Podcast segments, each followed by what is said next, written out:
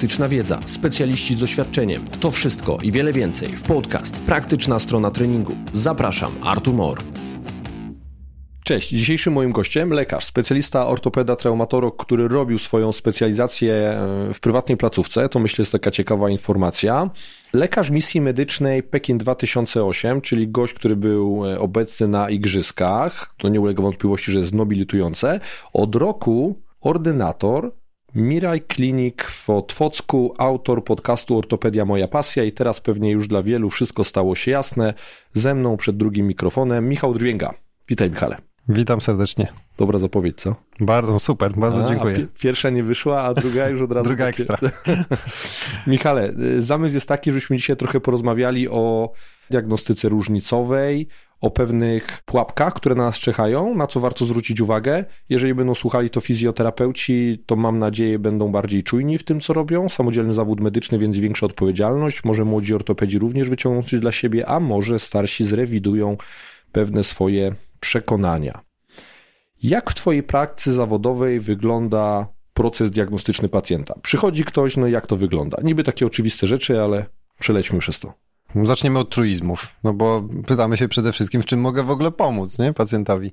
Znaczy tak, zebranie wywiadu, no to jest zupełnie oczywiste. Ja lubię słuchać ludzi i daję im się wygadać, tak jak mi się troszeczkę pozwoli. Oczywiście to jest czasochłonne, co jest e, powiedzmy w medycynie i w naszym fachu trochę niepopularne, tracić czas na takie rzeczy, ale jak się da człowiekowi wygadać, to on dużo różnych fajnych rzeczy mówi i pokazuje, co go najbardziej boli, jaki jest jego problem, w czym mu to przeszkadza, jak się jeszcze troszeczkę tam podpyta, odpowiednio, to wtedy wiemy, jakie jest nastawienie. W zasadzie ja na początku wiem, jakie są jego oczekiwania mhm. do tego, z czym on przychodzi i jaki ma kłopot ze sobą. I dzięki temu ja wiem później, w jaką stronę ta diagnostyka powinna pójść, jak bardzo powinna być zaawansowana, jak bardzo ja powinienem w niego ingerować, w tego pacjenta, jak bardzo on tak naprawdę tej pomocy potrzebuje nie? i czego on potrzebuje. Mhm. Więc jakby na pewno wywiad, a w zasadzie wygadanie. No i oczywiście diagnostyka. W moim przypadku diagnostyka jest jest mocna. To znaczy, ja rzadko kiedy oprę się na jednym zdjęciu rentgenowskim. Oczywiście pytanie, z czym mamy do czynienia, bo jak ktoś przyjdzie ze złamanym obojczykiem, no to przecież nie robię mu tam jakichś cudacznych badań. Natomiast e, w większości przypadków ta diagnostyka jest bardzo mocna. Fajnie, bo ja mam swoją diagnostykę bardzo mhm. mocną, więc... Tutaj na miejscu, tak? Tak, mam tutaj na Bomba. miejscu. Tu jest i rezonans, i tomograf, USG, rentgeny wszelakie, więc jakby jest tak, że jak ja coś potrzebuję, to mówię, proszę tu zrobić rezonans i tomografię i on schodzi i za godzinę jest w sumie pod gabinetem z powrotem powrotem, nie? I, I, już, nie? I teraz działamy dalej. A, wow, to, tak jak powinno być. Tak powinno być, tak. I to jest fajne dla szczególnie, że bardzo dużo pacjentów przyjeżdża z daleka. Nie są z Warszawy, więc on jakby by się dowiedział, że dobra, to teraz musi zrobić badania i za znowuż przyjechać 400 kilometrów, no to jest słabo. Więc diagnostyka zawsze bardzo mocno obrazowa, tak żebyśmy wiedzieli o strukturze wszystko. To znaczy, jak ktoś przychodzi z problemem kolana, no to nawet jeśli tam wyciąga jakieś USG, że on tam ma USG, ma uszkodzoną łąkotkę, no to fajnie, natomiast e, jak nie zobaczę, to nie uwierzę, więc robimy i badanie rezonansu. Może przychodzi z całą diagnostyką już dobrą, nie? No to mhm. nie ma oczywiście problemu. Więc chcę wiedzieć, co ze strukturą się dzieje, nie? Bardzo mocno. No i jakby pytanie, czy nam to pasuje już do, bo jeśli nam pasuje, to z wywiad z badaniem klinicznym, nie powiedziałem, że badanie kliniczne mhm. zaraz jest po wywiadzie, nie? No, czasem pacjenci się dziwią, że się człowiek tam każe mu się rozebrać i położyć na kozetce, nie? No, ale Cały wystarczy... czas tak mają, tak? Tak, ciągle mają, to? tak. Albo na przykład, a ja mówię, to proszę się rozebrać, a facet, bo tam będziemy balać kolano, a facet e, staje na środku gabinetu i zdejmuje spodnie tak na, na kostki i już, nie? Gotowy do badania, nie? Co, co to ma znaczyć, nie? Więc, e, więc badamy. No jeśli to wszystko pasuje do siebie, to decyd, to już mamy, jakby można powiedzieć, określone i ja powiem pacjentowi, co ja chcę od niego. Natomiast no, czasem jest tak, że nic nie pasuje do, do, do nic no. pasuje do wszystkiego, nie wiem, wszystko do niczego pasuje, tak? Okej, okay, dobra. Podwójne zawsze. Wszyscy wiemy o co chodzi, jak to, co powiedziałeś, no ale ja spróbuję to doprecyzować. Na ile często w twojej praktyce jesteś w stanie postawić już taką naprawdę wartościową, wstępną diagnozę już samego wywiadu, nie? Czyli powiedzmy już takie prawdopodobieństwo, że, że trafiłeś, że już po prostu z tego, z tego aktywnego słuchania wyciągnąłeś to, co potrzebowałeś. Ho, nie zastanawiałem się, żeby, jakby, żeby aż tak powiedzieć, nie? że na samym wywiadzie. Oczywiście są takie diagnozy, ktoś mi mówi, że tam właśnie upadł i coś, to ja już wiem, że co on ma, nie? Właśnie do tego zmierzam, nie? że pewne okoliczności, pewien obraz taki, który już słownie przedstawia pacjent, on już w jasny sposób ukierunkowuje nas, co tam się będzie stało i teraz im większe twoje doświadczenia, im więcej tego evidence base, im więcej tego pretest probability pewnych e, dolegliwości w danych grupach populacyjnych, no tym nagle zaczyna się tak. to robić prostsze i szukamy raczej potwierdzeń. Tak, dużo jest na pewno takich sytuacji, natomiast e, ja mam taką przypadłość, że te bardzo proste rzeczy do mnie nie trafiają. Czyli jak gdyby to nie jest tak, że kogoś zaczyna boleć kolano i on mówi, że go boli po wewnętrznej stronie i w zasadzie nie wie, co to mogłoby być, a ja wiem, że to jest łąkotka. Takich fajnych, prostych rzeczy to u mnie nie ma, nie? To mhm. jest tak, że pacjenci bardzo często gdzieś krążą, oni sami nie wiedzą, mają już ileś tam badań, ktoś tam nie wie, albo już coś operowali, ale to dalej nie dało i to takie nie jest ewidentne, nie? Okay. Jakby wszystko, więc zdarzają się oczywiście takie, że tam wiemy, ale więcej bym mógł powiedzieć już na podstawie powiedzmy wywiadu i badania klinicznego, nie? Jak już sobie tam czy bark, czy kolano, jak zbadamy, no to wtedy wiadomo, że już to moje podejrzenie, że może to będzie to, czy tamto jest, jest większe. E... A propos tego barku, to jest trochę pytanie o twoje doświadczenie, no bo jakby to skonfrontuję zaraz z tym, e, co wiemy w modelu evidence base, ale na ile to testowanie kliniczne mhm. barku u ciebie ma realną klinicznie wartość? Wiesz, mówię o tych wszystkich testowaniach, tak, tam, tak. Nears, Hawking, Kennedy, Empty Ken, Full Ken i tam sobie robisz tą batalię tak. różnych testów, no i co ci z tego wychodzi? Jeśli podzielimy patologie takie te wewnątrzstawowe na dwie podstawowe, to znaczy stożki i niestabilności, mhm. tak, no bo pewnie takie dwie tutaj są podstawowe, to ta wydolność mięśniowa, uszkodzenia bądź też niewydolności mięśni stożka rotatorów to bardzo fajnie wychodzi w testach i w zasadzie ja kierując potem oczywiście pacjenta na rezonans, to ja wiem, czy on ma uszkodzony nadgrzebieniowy, czy nie, czy daje radę z podłopatkowego, czy biceps mu się zwicha i tak mhm. dalej. Natomiast zawsze mam głęboki problem z niestabilnościami. Czyli testowanie tej niestabilności, mam wrażenie, że na tyle pacjenci to tak powiedzmy potrafią ukryć albo zbalansować mięśniem i mnie oszukać, że tutaj nie mam pewności. Oczywiście tu wywiad pomaga, bo jak ktoś mówi, że tam trzy razy zwichnął bark i mu nastawiali, no to ja mam pewność, że on ma niestabilny, nie? I teraz szukamy, czy to się utrzymuje, jakie są uszkodzenia i tak dalej, i tak dalej. Natomiast jakby ktoś powiedział, że a tu, bo on ma jakiś problem i teraz ja bym miał tą niestabilność wybadać faktycznie, no to nie wiem, czy bym był taki odważny. Ja wręcz chciałbym skomentować, że, że w mojej praktyce to ja mam wręcz na odwrót, a teraz trochę spróbuję to poargumentować literaturą. Ja miałem zawsze problem z tymi testami klinicznymi dla stożka rotatorów. To znaczy, Aha. ja zawsze robiłem i zawsze byłem przekonany, że mi coś tam wychodzi i właśnie to, co mi tam wyszło w tych testach, w ogóle nie było spójne z tym, co ja zobaczyłem na przykład w badaniu obrazowym. Zacząłem sobie robić taki głębszy przegląd literatury i teraz pozwól, że poczynię kilka cytatów. Jasne. I skonfrontujemy to, tak? No bo to nikt nie ma monopolu naprawdę. Przegląd systematyczny, rok 2012 rok. Między innymi Hegedus i Chad Cook go wykonywali, czyli takie osoby, myślę, poważane, jeżeli chodzi o analizę czułości, specyficzności, całej rzetelności tych testów klinicznych. I teraz czytamy tak. Nie można zalecić użycia jakiegokolwiek pojedynczego manualnego testu specjalnego. Kombinacje testów zapewniają marginalnie lepszą dokładność. Potem rok 2020, kolejny przegląd systematyczny. Specjalne testy nie są w stanie zidentyfikować struktury odpowiedzialnej za ból, mogą pełnić jedynie funkcję testów prowokacyjnych. Rekomendacje co do dalszego leczenia czy terapia na podstawie testów specjalnych nie są akceptowalną praktyką. I, I to było zbieżne z tym, co ja czułem. Czyli mi to nie wychodziło i potem mówię, kurde, ma prawo mi nie wychodzić. Okej. Okay. ja nawet nie wiem, czy ja umiem nazwać te wszystkie testy, które ja wykonuję. Część jest tak, że ja widzę, jak pacjent rusza się, tak? Ja mhm. patrzę, czy on jest w stanie podnieść rękę, czy nie. Dokładam mu opór i widzę, czy on generuje siłę. Mhm. Składam sobie, tak? No to nigdy nie jest jeden test, tak? My tak. się stoimy przed lustrem, znaczy on stoi na wprost lustra, ja stoję za nim i sobie testujemy. Jak patrzę, jak on się rusza, on sam sam patrzy, jak się rusza. Porównujemy prawa, lewa strona i tak dalej, i tak dalej. I tak naprawdę dopiero po takich pięciu minutach machania tą ręką, mhm. ja mogę sobie widzieć, ok, ma deficyt tego, nie jest w stanie tu dźwignąć, tu mi kompensuje łopatką, tam w ogóle ta łopatka nie trzyma i tak dalej, i tak dalej. Ja na podstawie tego pewnie takich samych ruchów zrobionych 10 lat temu bym nic nie wiedział, mhm. a dzisiaj jestem w stanie powiedzieć, ok, dobra, ma częściowe uszkodzenie nadgrzebieniowego, nie generuje to, nie generuje tamto, z tego ma zapaloną kaletkę i z tego mu tam coś, tak? I to mi się potwierdza w badaniach później, albo nie. Mhm. Dlatego na rozpoznaniu wstępnym sobie napiszę, że w mhm. badaniu mi wychodzi, że to będzie to i tamto, mhm. a co wyjdzie potem na diagnostyce, w rezonansie, w tym, w tamtym, w USG dynamicznym, no to oczywiście sobie to dzielimy, dlatego tą jakby tą ocenę struktury potem w obrazkach, no to jakby tutaj nie ominę tego. Na podstawie swojego badania klinicznego pacjenta nie zakwalifikuję do operacji. No i teraz to, co dopełniłeś tej swojej odpowiedzi, to już jest całkowicie to, co ja widzę u siebie, czyli jeżeli faktycznie w taki subiektywny sposób, po prostu, tak jak to trochę, tak prosto powiedziałeś, pomacha tą ręką, no bo mi też to pasuje, po prostu pomacha tą ręką w przestrzeni, przyłożę opór w różnych osiach i płaszczyznach, będę widział, że nie ma odwiedzenia, tylko jest elewacja tego barku, to już będę wiedział, ok, tu chyba coś jest nadgrzebieniowym, nie? I, I mała szansa, że jedna ręka mu super pracuje, odwiedzenia, a w drugiej leci z elewacji, nie? Czyli już może być problem z przerwaniem jakiejś ciągłości. Też z samego wywiadu, nie? Czyli jeżeli ktoś ćwiczy 7 razy w tygodniu na siłowni albo uprawia dwubój czy gimnastykę, no to najprawdopodobniej sobie coś tam zrobił. No wiemy statystycznie, że ten nadgrzebieniowy lubi tam być zawsze obecny. No, Wraz z wiekiem słabo nie mieć dziury w nadgrzebieniowym. tak, no tr trudno nie mieć. Niemożliwe, zobacz, zrobiliśmy rezonans barku i masz, masz uszkodzenie nadgrzebieniowego. Kto by pomyślał? Tak, no tak może być. No, jednak mechanika jakby barku i, i sposób wsuwania guzka większego pod wyrostek barkowy wymaga bardzo dobrej stabilności mięśniowej de facto. Jak ktoś robi to nieumiejętnie, a powtórzeń robi bardzo dużo, to samym podnoszeniem ręki sobie może ten, ktoś ścięgno przetrzeć, nie? Mhm. Może się nie przetrze, bo, bo mu się od razu kaletka zapali i przestaje machać, nie? I więc się nie przetrze, ale powtarzalna aktywność taka powiedzmy nieprawidłowa na pewno też może szkodzić.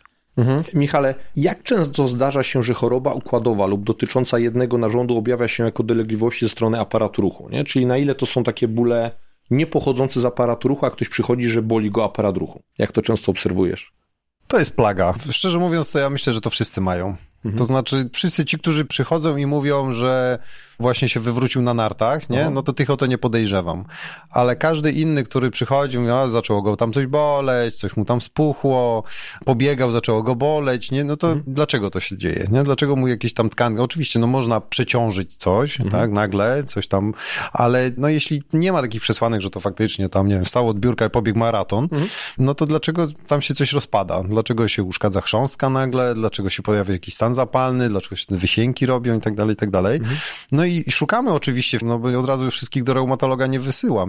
I szukamy w pierwszym momencie, okej, okay, dobra, to co z tą strukturą? Może jednak faktycznie coś tam zrobił, tylko że potem to nie pasuje do niczego. Tu się wytarło, ale dlaczego się, młody człowiek, dlaczego mu się chrząstka wytarła, albo dlaczego mu się odkleja. Mhm. Więc w mojej praktyce dzisiaj bardzo dużo pacjentów, nie powiem ile, ale chyba nie ma dnia, żebym kogoś nie wysyłał na diagnostykę, na badania krwi. Mhm. Reumatologa mam na miejscu, bo w zasadzie to co chwilę jest mi potrzebny i tak samo to widzi pani doktor radiolog, którą współpracuje. Mhm. Wręcz na jej opisach czasem są sugestie, wskazana ocena reumatologiczna albo diagnostyka w kierunku jakichś tam zaburzeń metabolicznych. Ty masz zespół, to ci jest łatwiej, nie? Bo jednak problem jest, y, żeby ta diagnostyka taka różnicowa była skuteczna, no wypadałoby, żeby tym zespołem się otoczyć. Ty pracujesz w klinice, masz te różne specjalizacje. Myślę, że fizjoterapeuci mają z tym większy problem, a wypadałoby, żeby zaczęli trochę to zmieniać. Nie wiem, czy to powinno tak być, ale moim zdaniem dobrze jest, jak fizjoterapeuci są w jakiś tam sposób skoligacyjni z jakimś ortopedą.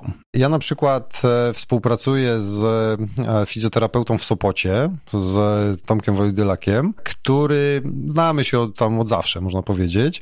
Mhm. Jeszcze jak I, mieszkałeś w Bieszczadach. Jeszcze, może nie aż tak dawno, ale, ale 20 lat się znamy.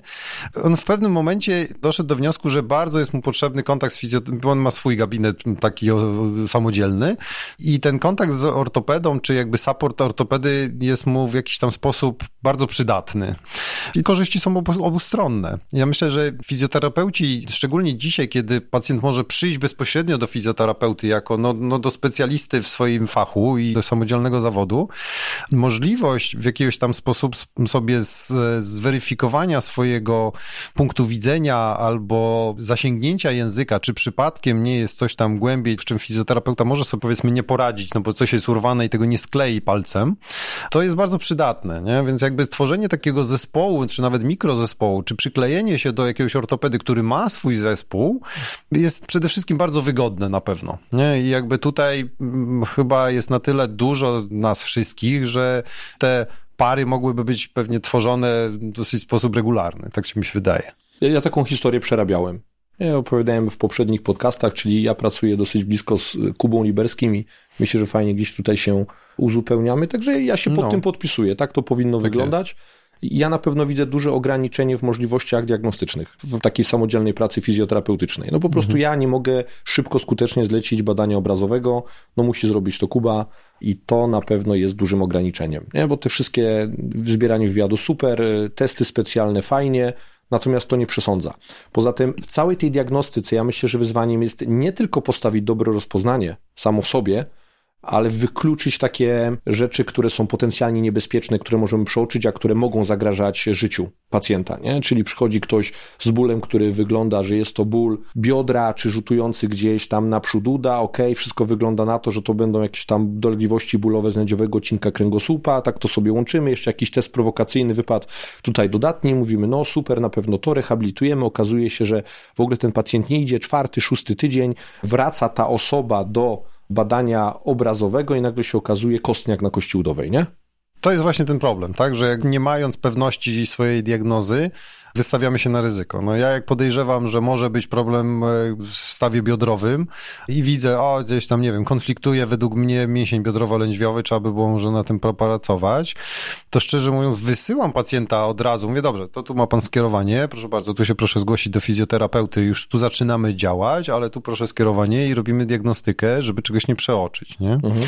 Natomiast zastanawiam się to, co powiedziałeś przed chwilą, że masz problem z tą możliwością takiego skierowania na diagnostykę, bo to jest jest problem tylko rentgenowski w razie czego, nie? Mm. Przecież na USG możesz spokojnie pacjentowi zaproponować, żeby poszedł, tak? Rezonans magnetyczny robi od ręki, tak? Na rezonans magnetyczny nie trzeba mieć żadnego skierowania nawet, nie? Pacjent pójdzie, proszę mi zrobić rezonans magnetyczny barku, nie? I jak... No, tylko wiesz, oni muszą, tu, ja nie mogę wypisać skierowania na to, tak? To tu o to chodzi, oni Czemu muszą... Nie?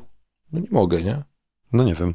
Ja na przykład jak jadę do Tomka do Sopotu, to tam przychodzą pacjenci wszyscy i wszyscy od razu mają płyty, bo, oni przychodzą do no. niego i on tam coś tu mi coś się nie podoba, tak? Proszę bardzo, pan robi rezonans i się zgłasza do doktora. I oni wszyscy są od razu już poddiagnozowani. No Tomek jest znaczy, niewidomy, więc ja... jakby nie poogląda z tego rezonansu, nie? Tak. Może polegać tylko na jakby na opisie, nie? Które mhm. są takie, jakie są.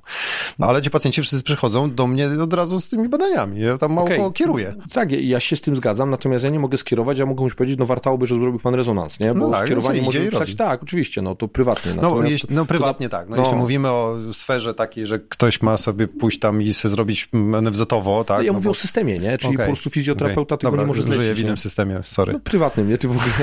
A, to a... ktoś płaci za badania, nie pacjent, tak? A... Jest taki świat. to taki świat istnieje. To tak się da, mm. ale to się, no tak, no to jest kłopot, ale to wtedy w ogóle jest kłopot, no bo wtedy i dostępność nie jest taka, jakbyśmy chcieli, tak? Co, o, z, tego, że, co z tego, że pacjenta dzisiaj boli i byśmy chcieli zweryfikować, czy on na pewno tam nie ma czegoś groźnego, jak on dostanie termin na rezonans za 6 czy 8 tygodni w najlepszym przypadku, tak? No, z drugiej strony czasami wiesz, no, bolą kogoś plecy, nie jest low back pain, no to wypadałoby tego rezonansu nie robić, tylko co powiedzieć pacjentowi? Panie, no, 10-14 dni samo przejdzie, nie dotykaj pan, nieważne co pan zrobi i tak to dolegliwości będą miały, no trochę może czuć się niezaopiekowany, nie? I nie po to przyszedł do ortopedy, no i robimy wtedy badanie obrazowe. No co się dzieje na tym badaniu obrazowym? No na pewno coś wyjdzie, tak? No bo nie wierzę, żeby nie miał jakiejś dyskopatii czy tym podobnej znajdźki, bo tak to ja lubię nazywać. Koniec końców będzie jakaś litania patologii wypisana przez radiologa i ten człowiek stał się chory w tym momencie. No wtedy będzie on, chory. On miał tak, low back tak, pain, tylko tak. low back pain, tak. a wyszedł nieźle chory i co więcej, nie dość, że mu to podniosło koszty opieki, zdrowotnej, no bo za ten rezonans najprawdopodobniej sobie sam zapłacił, zbudowało u niego najprawdopodobniej błędne przekonania, no bo widzi te patologie, to dla niego to jest fakt. No i teraz on myśli, że musi się ich pozbyć, na przykład musi się zoperować, na przykład musi mieć wykonaną mikrodystektomię, żeby mógł normalnie funkcjonować. Pomimo, że my wiemy, że, no że tak, nie. Można go zagonić, nie? nie? W, w, w, kąt. Dlatego na przykład ja się, znaczy ja mam bardzo mało pacjentów z kręgosłupami, bo oficjalnie mówię, że się tym nie zajmuję, natomiast... To to samo przychodzi. A, tak, ale potem idę do śniadaniówki i mi każą o korzonkach gadać, nie? Natomiast e, jak przychodzi pacjent z takim bólem kręgosłupa, to szczerze mówiąc ja mu nie zalecam. Znaczy jak on nie ma neurologii, nie ma objawów korzeniowych, nie ma mhm. czegoś czegoś tam, to ja mu nie zlecam rezonans, bo co mi ten rezonans da? Kieruję go na rentgen, żeby zobaczyć na przykład, czy nie ma ześlizgu, czy nie ma kręgozmyku, no bo tu jak go potem tam wyślę do Darka czy do kogoś i tam go nagną, no to żeby go nie pogorszyć przypadkiem, nie? Mhm. Więc to chcę wiedzieć. Natomiast e, ten rezonans na dobrą sprawę na tym etapie mi jest, nie jest mi do niego czego potrzebny, żeby już rozpocząć terapię, nie? No ale jak, jak nie idzie i go cały czas boli i podejrzewam, podejrzewamy coś tam, a może ma jakieś tam pytanie, na jakim poziomie ma zwyrodnienia w stawach mhm. międzywyrostkowych, no to już chcemy wiedzieć mniej więcej, nie? No bo będziemy, nie może jakąś blokadę trzeba mu zrobić czy coś. Tu kłania się rozpoznanie też czasami po czasie. W ogóle mówimy o takich rzeczach, gdzie pacjent nam nie idzie, o tym zacząłeś mówić, więc nawiązałbym do tego, że rozpoznanie po czasie będzie wtedy, kiedy albo stan pacjenta się nie poprawia, tak. no albo poprawia się na chwilę, a następnie pogarsza. Tak. I to powinno dać do myślenia. Ja wspomniałem o tym kostniaku. Mhm. 4-6 tygodni bez poprawy, ok, no nie ma prawa być y, braku poprawy. Jeżeli postawiliśmy diagnozę tam low back pain, sprowadziliśmy odpowiednią terapię, a tu nagle nic, to powtórna diagnostyka i mam wrażenie, że fizjoterapeuci za długo czekają, żeby wrócić do tej diagnostyki że za późno Że mają... dadzą radę. Tak, jeszcze tak. Ci, no, tam jeszcze parę miesiące minęło, ale jeszcze trochę włóknia no, trochę jest lepiej przecież. No tylko było 10 zabiegów terapii manualnej. To jeszcze 5 zrobimy i wtedy dopiero. Poczekajmy. Okej, okay. no to nie można zgeneralizować pewnie, ale może właśnie dlatego, że nie czują się, że mogą cokolwiek podiagnozować. Każą tam pacjentowi, to pan idzie tam do ortopedy, a on a dobra, dostał termin w rejonie zam za mhm. następne ileś tygodni, mhm. no to robią swoje dalej, no bo co mają zrobić, nie? Przed nami leży taka dosyć gruba książka, do której ja zawsze chętnie odsyłam fizjoterapeutów, diagnostyka różnicowa dla fizjoterapeutów, pod tytuł Kiedy kierować pacjentów do innego specjalisty. Fajna książka, bo daje do myślenia nagle pokazuje, że, że aparat ruchu to nie tylko aparat ruchu, znaczy aparat ruchu to aparat ruchu, ale ciało człowieka jest bardziej złożone i warto by popracować trochę z tym ciałem bardziej przekrojowo. Natomiast y, w tej książce czytamy, jako przyczyn tych dolegliwości bólowych, które wyglądają, że są ze strony aparatu ruchu, a nie są, to mogą być na przykład efekty uboczne leków, choroby współistniejące takie jak depresja, cukrzyca, otyłość, uzależnienia od substancji chemicznych, nadciśnienie tętnicze czy mechanizm bólu narządowego. Na ile często widzisz, że te przyczyny są obecne w Twojej praktyce klinicznej, na przykład te leki? Leki akurat bym kompletnie tutaj jakoś. E, ja się wszystkich oczywiście pytam zawsze, czy chorują na jakieś przewlekłe choroby, czy jakieś leki na stałe biorą. I tu z lekami to chyba nie mam. Znaczy, mhm. jak ktoś mi mówi, że bierze leki na tarczycę, no to ja już wiem, że on jest jakiś tam e, układowo obciążony, mhm. nie? No mhm. bo jak ma chorą tarczycę, to będzie miał chore za chwilę coś innego, i jak ma niewydolność endokrynologiczną jedną, to za chwilę może mieć drugą. Więc jakby tu już jakby czujność moja od razu rośnie. Mhm. No, więc pytanie, jakie leki oczywiście bierze, ale z tymi lekami jakoś tak nie mam problemu. Natomiast e, z właśnie tymi współistniejącymi różnymi patologiami układowymi, no to to są gęste tematy. Ci pacjenci tutaj na pewno są. A jak ktoś mówi o, a ja to tylko na cholesterol biorę, nie? No, że a dlaczego ty bierzesz na ten cholesterol, nie? To może kwas moczowy też jest podwyższony, nie? I mhm. już mamy tutaj jakieś problemy, no bo to już są kryształy, to już jest rozpadająca się chrząstka, to już jest coś, no i to już nagle dużo tłumaczy tych naszych problemów, e, kiedy ortopeda powinien odesłać do innych specjaliści. Zresztą jestem w szoku, bo ja w życiu nie widziałem chyba tak dużej książki. Dla ortopedzi nie mają takich grubych książek. Słuchaj, Cyber polega na tym, że to jest jedna z najgrubszych książek dla fizjoterapeutów fizjoterapeutów, o ile nie najgrubsza okay. i najmniej dostępna. A, okay. Czyli właściwie są zapisy na nią, nie? Zapisy, jak wychodzi ale, jakaś tam... Ale to jakby bardzo dobrze świadczy, bo to znaczy, że fizjoterapeuci tą wiedzę, no jak już przeczytają tą książkę, to mają ogromną wiedzę, no a ortopedzi mają takie małe te książeczki tylko. Mają, może mają małą wiedzę w takim razie. Wiesz co, no, no nie wiem. Wiem na pewno, że jak przeciętny fizjoterapeuta czyta tą książkę, to nic nie trybi. Ale to wynika dlatego, że system nauczania jest taki, że fizjoterapeuci mają słabą wiedzę z takiej interny. Ha. Po prostu. Jeżeli ktoś miał farta i na zajęciach klinicznych za czasów studiów trafił na fajnych opiekunów na jakichś oddziałach, który po prostu powiedział mu, no ci ludzie chorują na to, na to, zwróć na to uwagę, tak wygląda proces diagnostyczny tych osób, to może rzutować na to, pokazał, jak ta praktyka kliniczna wygląda, no to jesteśmy w domu. Natomiast ja zawsze odnoszę do tego, na co ja byłem eksponowany, na co moje roczniki były eksponowane, ale z rozmów z innymi fizjoterapeutami widzę, że te scenariusze się powtarzają, no to to trochę jest takie, brzmi jak książka pisana w narzeczu południowego Nilu. Czyli czytasz i nie kumasz. No a nie kumasz, bo nie masz tych podstaw, tak? Więc tak. trochę jesteś rzucony na głęboką wodę. To odnieść w ogóle. No, no, poza tym tak grube książki, one nie są pisane prosto, tak? One nie mogą być pisane. Nikt nie robi grubej książki, żeby ona była zjadliwa. No, Gruba, mądra. No właśnie, pewnie mądra. No ale to jest też tak, żeby jakby mądrze taką książkę trzeba czytać, nie? Nikt nie hmm. czeka, nie, nikt nie bierze przecież i nie, a strona pierwsza zaczynam czytać, nie? Tak, jakby w takich książkach się szuka tego, co człowieka tak. interesuje, nie? Tak. Wybierasz sobie tak. swój tam rozdział, gdzieś tam szukasz jednego tam akapitu, który ci właśnie wyjaśnia, hmm. o co chodzi. Tak. Podejrzewam, że bardzo mało jest osób, które które ją przeczytały od końca do, od początku do końca, wieczór w wieczór i że, a, dobra, skończyłem, przeczytałem, nie? No ale to, to w ogóle pewnie by nawet nie wiedział, o czym to było. Tak, jak mówisz o tym, to faktycznie ja za czasów studiów miałem takie przekonanie, że miałem kilku takich znajomych, którzy chodzili na przykład z biochemią Harpera pod ręką. Wiesz, jak ja otworzyłem tą biochemię Harpera, to ja nic z tego nie kumałem. Nie kumałem tego, Ale ścieżka... też nie. O, no i to do tego zmierzam. Oni tego nie kumali, ja nie kumałem, tylko oni to stwarzali pozory, że kumają, tworzyli swój wizerunek taki mądry, a ja po prostu czułem się głupi. To zawsze jak się chodzi z czymś, to się wygląda na mądrzejszego, nie? Ja, ja pamiętam w szpitalu wszyscy chodzili z historiami chorób. Wtedy tak wyglądały, że są zajęci, że coś robią, gdzieś idą z tymi, pewnie coś będą, to... Oni tak brali po prostu spółki, przenosili je tam, nie? Ale wtedy nikt się nie czepiał, że oni nic nie robią. Gdzie leziesz? No, gdzieś szedł z tym, z tą historią choroby, nie? Coś tam pewnie, do, może do pacjenta, może gdzieś. Tak, tak, tak. To, to znowu taka, taka praktyka, po czasie zrozumiałem, jak to wygląda. Jeszcze, wiesz co, wróciłbym do tych leków i, i w ogóle impact leków może nie na tyle, co na te dolegliwości, co w ogóle na problemy z tym aparatem ruchu. Ostatnio na jednym z moich szkoleń był kursant, który przytoczył swoją historię i on był takim namacalnym dowodem, że to, co chociażby w tej książce, o której mówię, dzieje się, czyli z uwagi na swoją chorobę musiał przyjmować fluorochinolony. Antybiotyk, który generalnie wiadomo, że Tak. spowoduje urwanie ścięgna. I nie uwierzysz, zerwał sobie Achillesa. O, co ciekawe. No właśnie. I, i daje do myślenia, nie? No daje, daje. Czyli, czyli daje, te leki daje. czasami też potrafią. No tak, no ale to są grupy leków, które wiadomo jakie, znaczy wiadomo, jak się człowiek przeczyta, to wiadomo, nie?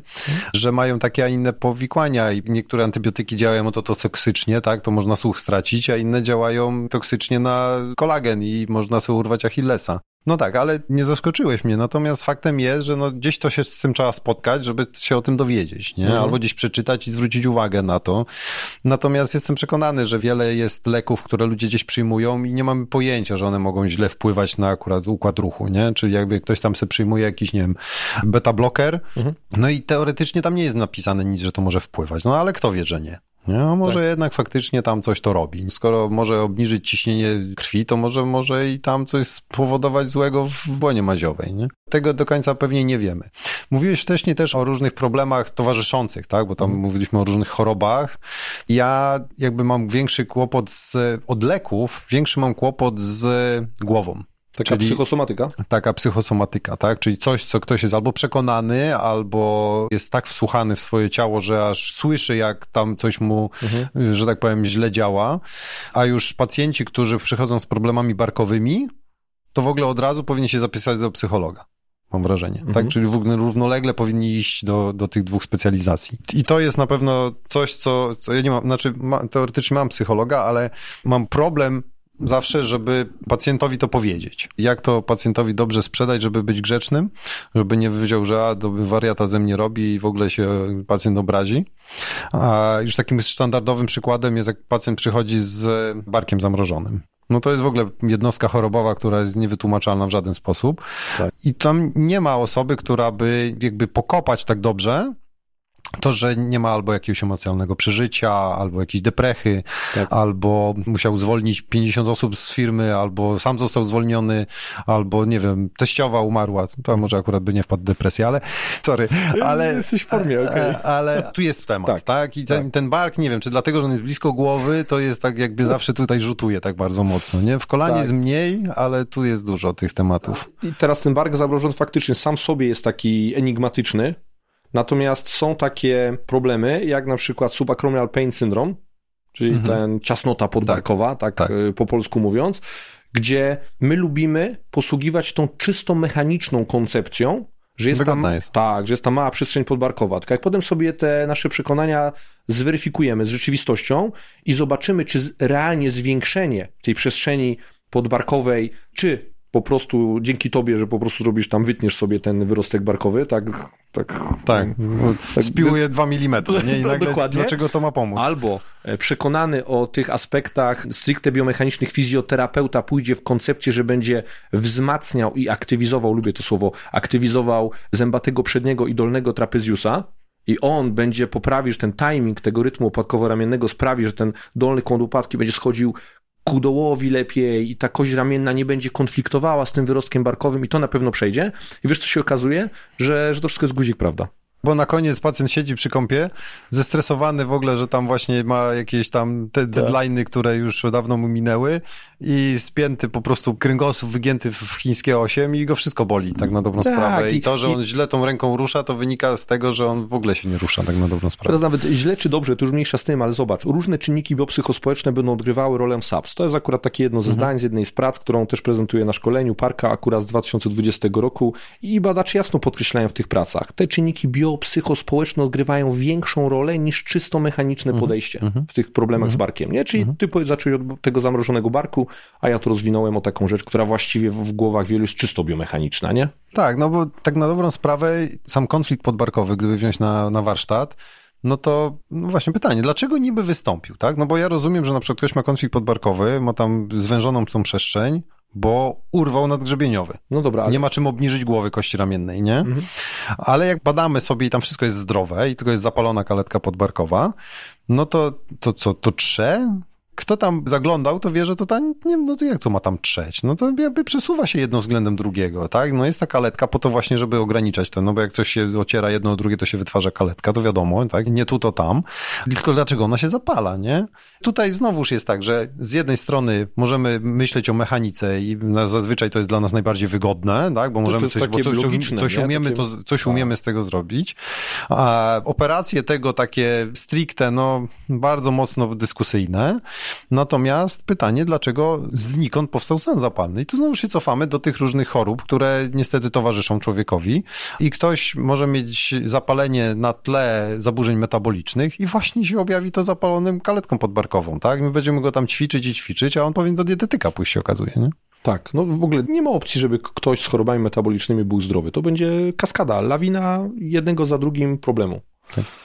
Ok, teraz dolegliwości lokalne i ból taki rzutowany, już nawet mówiąc o samym aparacie ruchu, ja posłużę się taką jedną z pracą, którą też pokazuję na szkoleniach, mianowicie osoby, które pojawiły się z czymś, co, co będziemy nazywali taki hip-related groin pain, czyli ból pochodzący bezpośrednio ze stawu biodrowego i zapytano ich, w ankietowaniu po prostu wypisano, co ich tak naprawdę boli, gdzieby ten ból zlokalizowali, pokazali palcem, w których miejscach, no to tak, oczywiście w pachwinie 88% z tych osób, po boku biodra 67% osób, w odcinku lędziowym kręgosłupa 23% z, e, pośród wszystkich badanych, w pośladku 29%, tył uda to 12%, bok uda 19%, kolano 27%, a przód uda 30%. 5%, nie? Ktoś powie, no kurde, ile tych procentów sumowałeś, masz... 500 wyszło. No, tylko że wiesz, niektórzy no tak, raportowali tak, tu, tu, tu, tu, i tu, tak, tak, nie? I, tak. on, i dlatego tak, te wartości procentowe, no Oczywiście. ale gdyby ktoś nie zrozumiał, to właśnie o to chodziło, a nie, że było 500%. No no.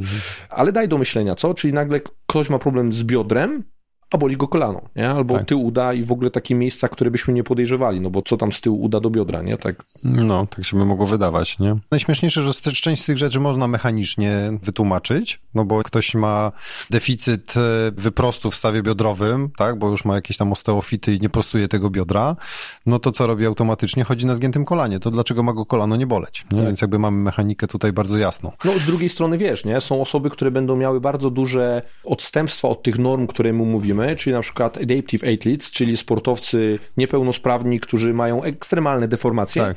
I, I wiesz, nie? Nic go nie boli. No, powiedz, co mnie boli. A wygląda jak naprawdę no, człowiek, który no, powinno wszystko go boleć, no, ale nic nie jest. No. A ten gość, który ma, wiesz, tam milimetr przesunięcia, o, biomechanika zaburzona, biomechanika, nie? Tak, to jest na pewno trudne. Natomiast znowuż jest tak, że jeśli coś, no bo dlaczego to biodro boli, nie? No bo jeśli mamy stricte te dolegliwości bólowe mają wychodzić ze stawu biodrowego, to pytanie, dlaczego ono boli? Czy tam się zrobił stan zapalny? Skoro jest stan zapalny, to, to pytam się, dlaczego się ten stan zapalny zrobił, tak? Czy to znowuż jest tak, że bo stan zapalny, bo jest uszkodzona chrząstka, no ale to się pytam, dlaczego się uszkodziła chrząstka w takim razie, tak? Co mhm. wpłynęło na to, że te, cała taka skada się pojawiła? Do znudzenia będę powtarzał, może znowuż jest ta choroba metaboliczna, nie? Znowuż ktoś miał wyjściowo kwas moczowy podwyższony i mu się rozwaliła chrząstka, pojawił się stan zapalny, boli go biodro, ale jednocześnie ma zapaloną kaletkę krętarza większego, mięśnie pośladkowe mu się jakby na tym samym tle uszywa i on tak na dobrą sprawę to ma jedną przyczynę, on ma ten kwas moczowy podwyższony, a całe, cała okolica biodra mu się rozpada, nie? Z tego powodu. I nigdy nie wiemy, co jest pierwsze jajko jajko czy kura? Czy ten stan zapalny to jest przez to, że coś się uszkodziło, mhm. czy ten stan zapalny to uszkodził? To jest jakby tak, czy uwaga. najpierw się pojawiło obrzęk błony maziowej i wysięg i zaburzenia odżywiania chrząstki i, i właśnie no ona rozpadła się przez to. I to jest też wyzwanie kliniczne w kontekście planowania leczenia, no bo jeżeli stawiamy taką hipotezę, że to ten stan zapalny spowodował uszkodzenia późniejsze, te patologie, no to wypadałoby trochę modulować ten stan zapalny i jakąś tam go trochę wyciszać. Słomsić, tak. No natomiast y, z drugiej strony, no wiemy, że też ten stan zapalny, on jest mechanizmem, który jest potrzebny, ażeby te tkanki się przebudowały, nie? Stan zapalny, tak. potem proliferacja, dopiero tak. potem remodeling. Też wiemy, że za wszelką cenę zabijanie tego stanu zapalnego, bo tak, no robienie to sobie też jest kuku niezłe, nie? No, czasem wywołujemy stan zapalny, tak? No, jak mamy jakąś tam entezę i, i tam w ogóle nie ma żadnego procesu regeneracji, to w ogóle tam przecież wywołujemy stan zapalny, nie? Tam wpiukując różne rzeczy i zaczyna się coś goić wtedy. I wiesz, jak czasami jest, nie? Nieważne, co tam podamy, ważne, żeby tam no, no, nakłuwać, nie? Nie, no nie tak, wiemy, co tam tak, działa. Tak, tak nie no. I się no, zawsze śmiejesz tak, no, ostrzykniemy, a czym, a co mamy? A co, tak, a co za różnica, nie? Tak, jakieś tam. A tak, a potem się pyta, a, a jakie są lepsze czynniki e, wzrostu? My mamy e, Takiej firmy, czy takiej, czy takiej? My mamy najlepsze Bardzo, to powinno pana Jakby to powiedzieć politycznie, tak? tak, tak. No, to jest takie urealnienie trochę tego świata. Michale, takie zdanie jest jednej z prac na temat Relative Energy Deficiency in Sport. E, mniej niż 50% lekarzy, fizjoterapeutów i trenerów jest w stanie zidentyfikować elementy składowe triady kobiet sportowców, czyli wielu specjalistów pracujących z aparatem ruchu, który często doznaje konsekwencji chronicznego deficytu energetycznego u sportowców i eskalację ma, albo może tak, przejawy ma w postaci złamań zmęczeniowych, jałych martwic kości i tak dalej, i tak dalej, jest wyzwaniem diagnostycznym, nie? Czyli przychodzi ktoś ze złamaniem zmęczeniowym i nagle się okazuje, że według tych prac, to jest w ogóle takie wyciągnięte z konsensusu, który odbył się w 2018 roku, na łamach zresztą został opublikowany British Journal of Sport Medicine, 50% specjalistów ma z tym problem. Mówisz o ortopedach. Tak jak czytamy. 50% lekarzy, fizjoterapeutów i trenerów. Okej, okay, okej. Okay. Żeby nikogo nie obrazić, ale ortopedzi mają bardzo prostą konstrukcję, nie? No, coś jest złamany, to trzeba zespolić, nie? No jakby nie będziemy się zastanawiać, dlaczego to się złamało. No jest złamanie, there is a fracture, no to trzeba to zespolić po prostu, nie? Mhm. No, I need to fix it. Jest nawet taki filmik śmieszny. I zazwyczaj to pomaga. Dlaczego? Bo jak my tego pacjenta zoperujemy, no to on musi mieć jakąś pauzę, tak? No i mhm. to nie może trenować, tak. no to może ma czas, żeby się lepiej odżywić no to ma czas, żeby się zregenerować i tak dalej, i tak dalej. I to nagle się okazuje, że to się goi, fajnie, nie? I pacjent tak. wraca do tego, wszyscy są zadowoleni, tak? I w ogóle dlaczego nie, nie tak się problemu. stało, nie ma, nie, nikt nie wie i nikt w to nie wnika, nie? Nawet znam taką opinię, że jak pacjent coś ma tu przeciążeniowo, coś, to najlepiej go zoperować, tak? Bo on inaczej, jak my powiemy, żeby on odpoczął, to on nie odpocznie, bo on będzie tam, a dobra, to jeszcze to zrobi, to jeszcze to zrobi, to nie, to on pójdzie na taki trening, będzie to omijał, nie? I to dalej nic nie będzie z tego wynikało, nie? Jak go tam zoperujemy, wsadzimy w gips, no to się okaże, że on już teraz nie może tego robić w ogóle, tak? Ale mu powie, nie, bo jak pan pójdzie, to pan to urwie, no to on się boi. Póki się samo miało goić, no to on tam będzie uważał. Tak, to już nie będzie odpowiedzialności za to, że tam coś się może urwać po operacji i nagle się okazuje, że właśnie on wchodzi te tory do, prawidłowe, nie? Ma czas, żeby zjeść dobrze, coś tam odpocząć, wyspać się, nie? Bo nie myśli, jakby trochę zmienia swój sposób życia. I to jakby działa, zgodzę się, że tym działa. Ostatecznie efekt został osiągnięty, czyli możemy powiedzieć sukces. Natomiast to oparte jest o taki taki pokraczny mechanizm, który koniec końców nie rozwiązuje rdzennych Nie rozwiązuje, problemów. bo ten pacjent wróci, ten, ten człowiek wróci no. do swojej aktywności i za chwilę wprowadzi się dokładnie w to samo, tak? Czyli przed chwilą goiliśmy złamanie zmęczeniowe, nie wiem, piątej kości śródstopia, a teraz będziemy goleni złamać za chwilę, nie? Natomiast diagnostyka tego jest niezmiernie trudna oczywiście, tak? Bo bardzo często to jest e, wręcz słabo wykrywalne, bo nie ma też świadomości samego tego pacjenta. Taki pacjent będzie różne rzeczy ukrywał. To znaczy, która ze sportsmenek się przyzna, że ona ma zaburzenie miesiączkowania? No, wstydliwy temat, co? Wstydliwy temat. A jakby chociaż pisnęła raz, to by jakieś światełko się, że tak powiem, zaświeciło, nie? Że, że coś. A tu jednak się okazuje, że to jest ukrywane. Poza tym czasem brak świadomości wśród, że to w ogóle ma jakieś znaczenie, tak? No bo się mówi, dobra, wysiłek to może tam zaburzać cykl miesiączkowy i tak, tak. dalej, nie? No to ona ma zaburzony, no bo ona cały czas ma wysiłek. To jest trochę jak się, jak mówi się sportowcom, że jak nie masz kontuzji, to za lekko trenujesz. No, nie? Przykład, to jakby nikt, nie, nikt tak, nie widzi problemów jakby... kontuzji, bo tak, no to dobrze ktoś trenuje, pieprznął kiedyś, nie? Powiedział tak. w telewizji, no to... I na pewno tutaj jest kłopot taki poznawczy, nie? Z tego mm. wszystkiego.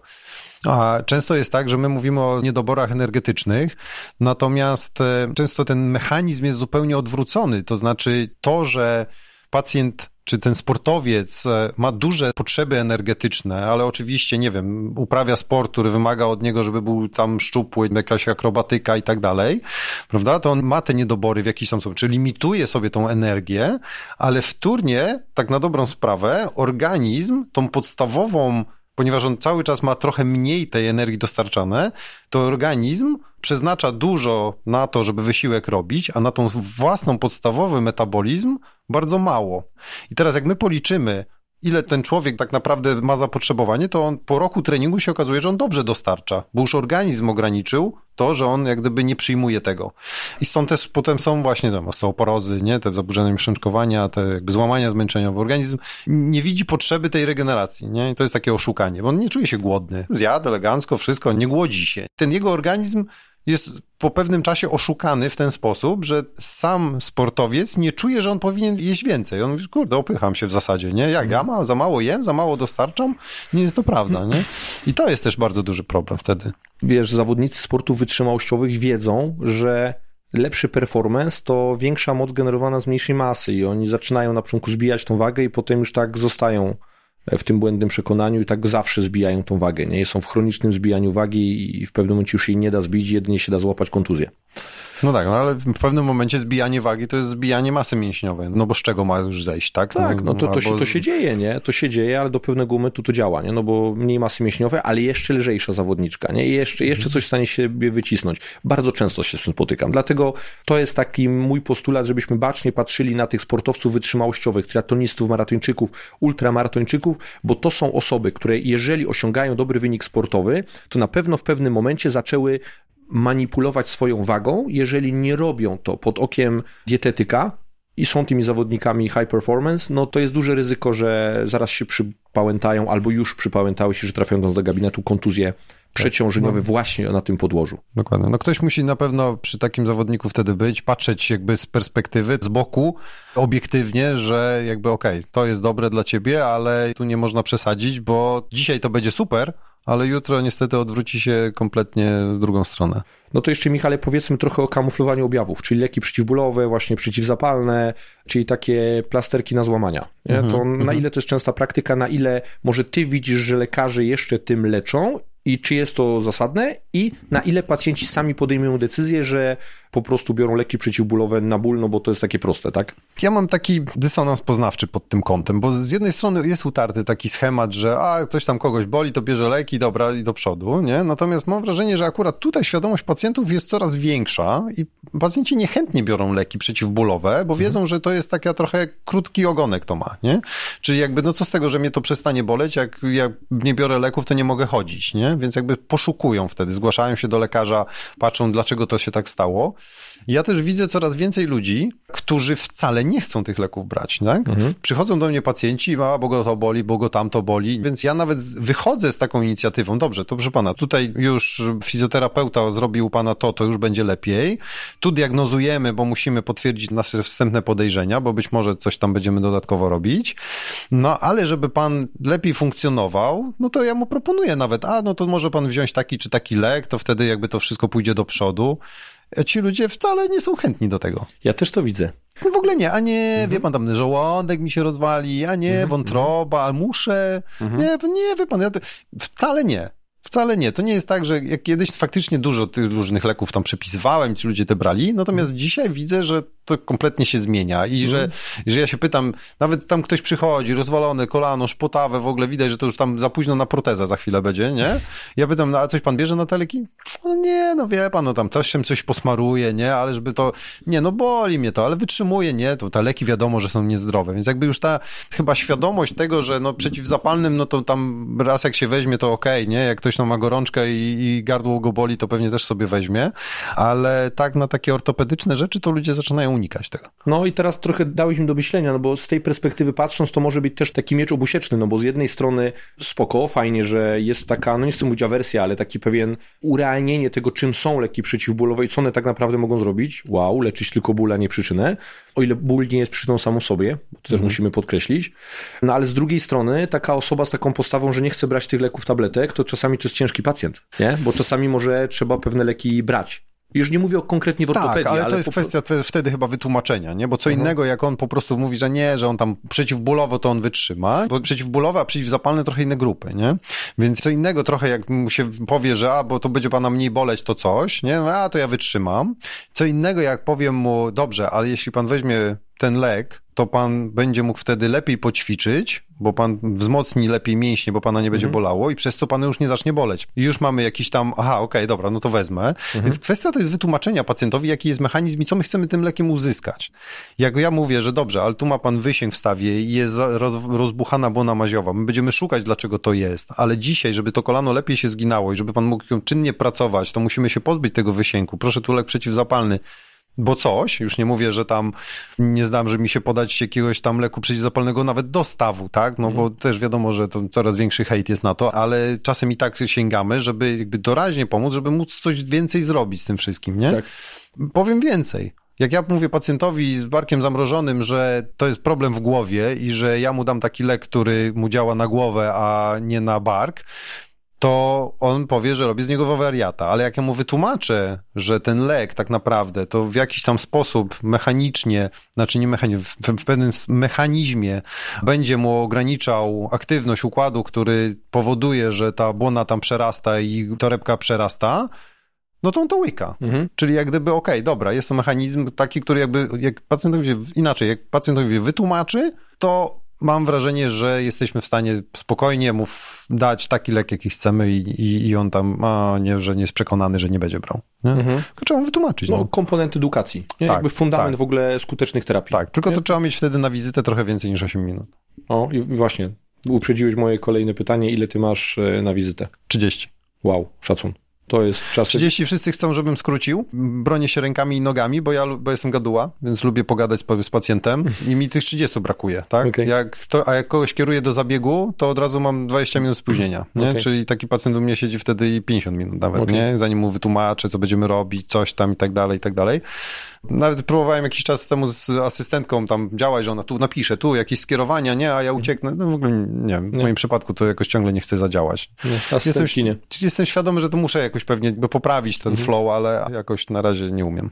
Okej, no ale fajnie, fajnie, że potrafisz rozmawiać z pacjentem. Ja jeszcze ze swojego doświadczenia mówiłem to wielokrotnie na mach podcastu, ale przypomnę, wielokrotnie pacjent w piątej minucie mówi mi zupełnie co innego niż w pięćdziesiątej. No ja mam ten przywilej, że moje, ten czas, który ja pracuję z pacjentem jest tak 45 minut do godziny jednostki, więc y, czasami to jest inny człowiek, nie? W piątej minucie i w pięćdziesiątej. To ja w ogóle mówię, rewiduję całkowicie moje założenia tej wstępnego rozpoznania, bo mówię, nie, to, to nie jest to, nie, tu mamy w ogóle inną przyczynę. Także super, że masz chociaż te 30 minut z perspektywy ortopedy, aż, Aż, 30 no, minut. Tak, nie? to jest dużo. Mam wrażenie, że mało kto może sobie pozwolić na 30 minut.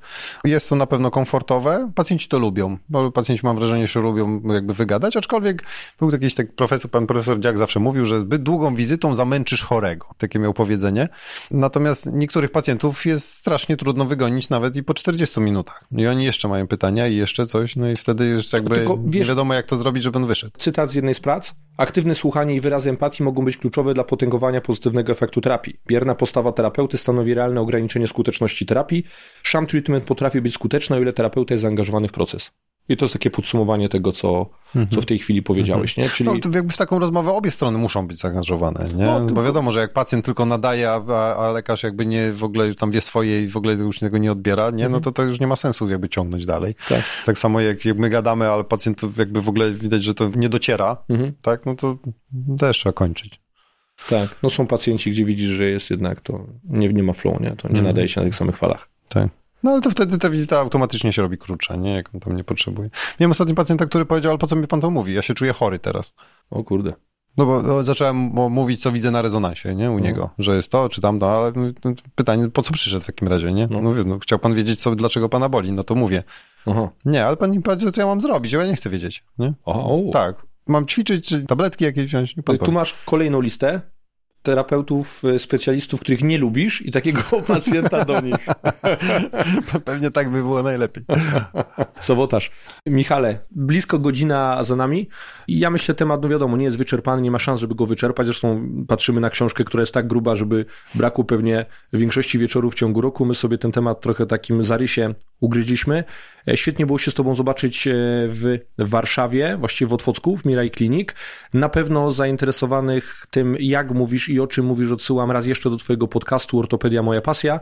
Ja Bardzo myślę, wiele, wiele fajnej wiedzy przedstawionej w przystępny sposób.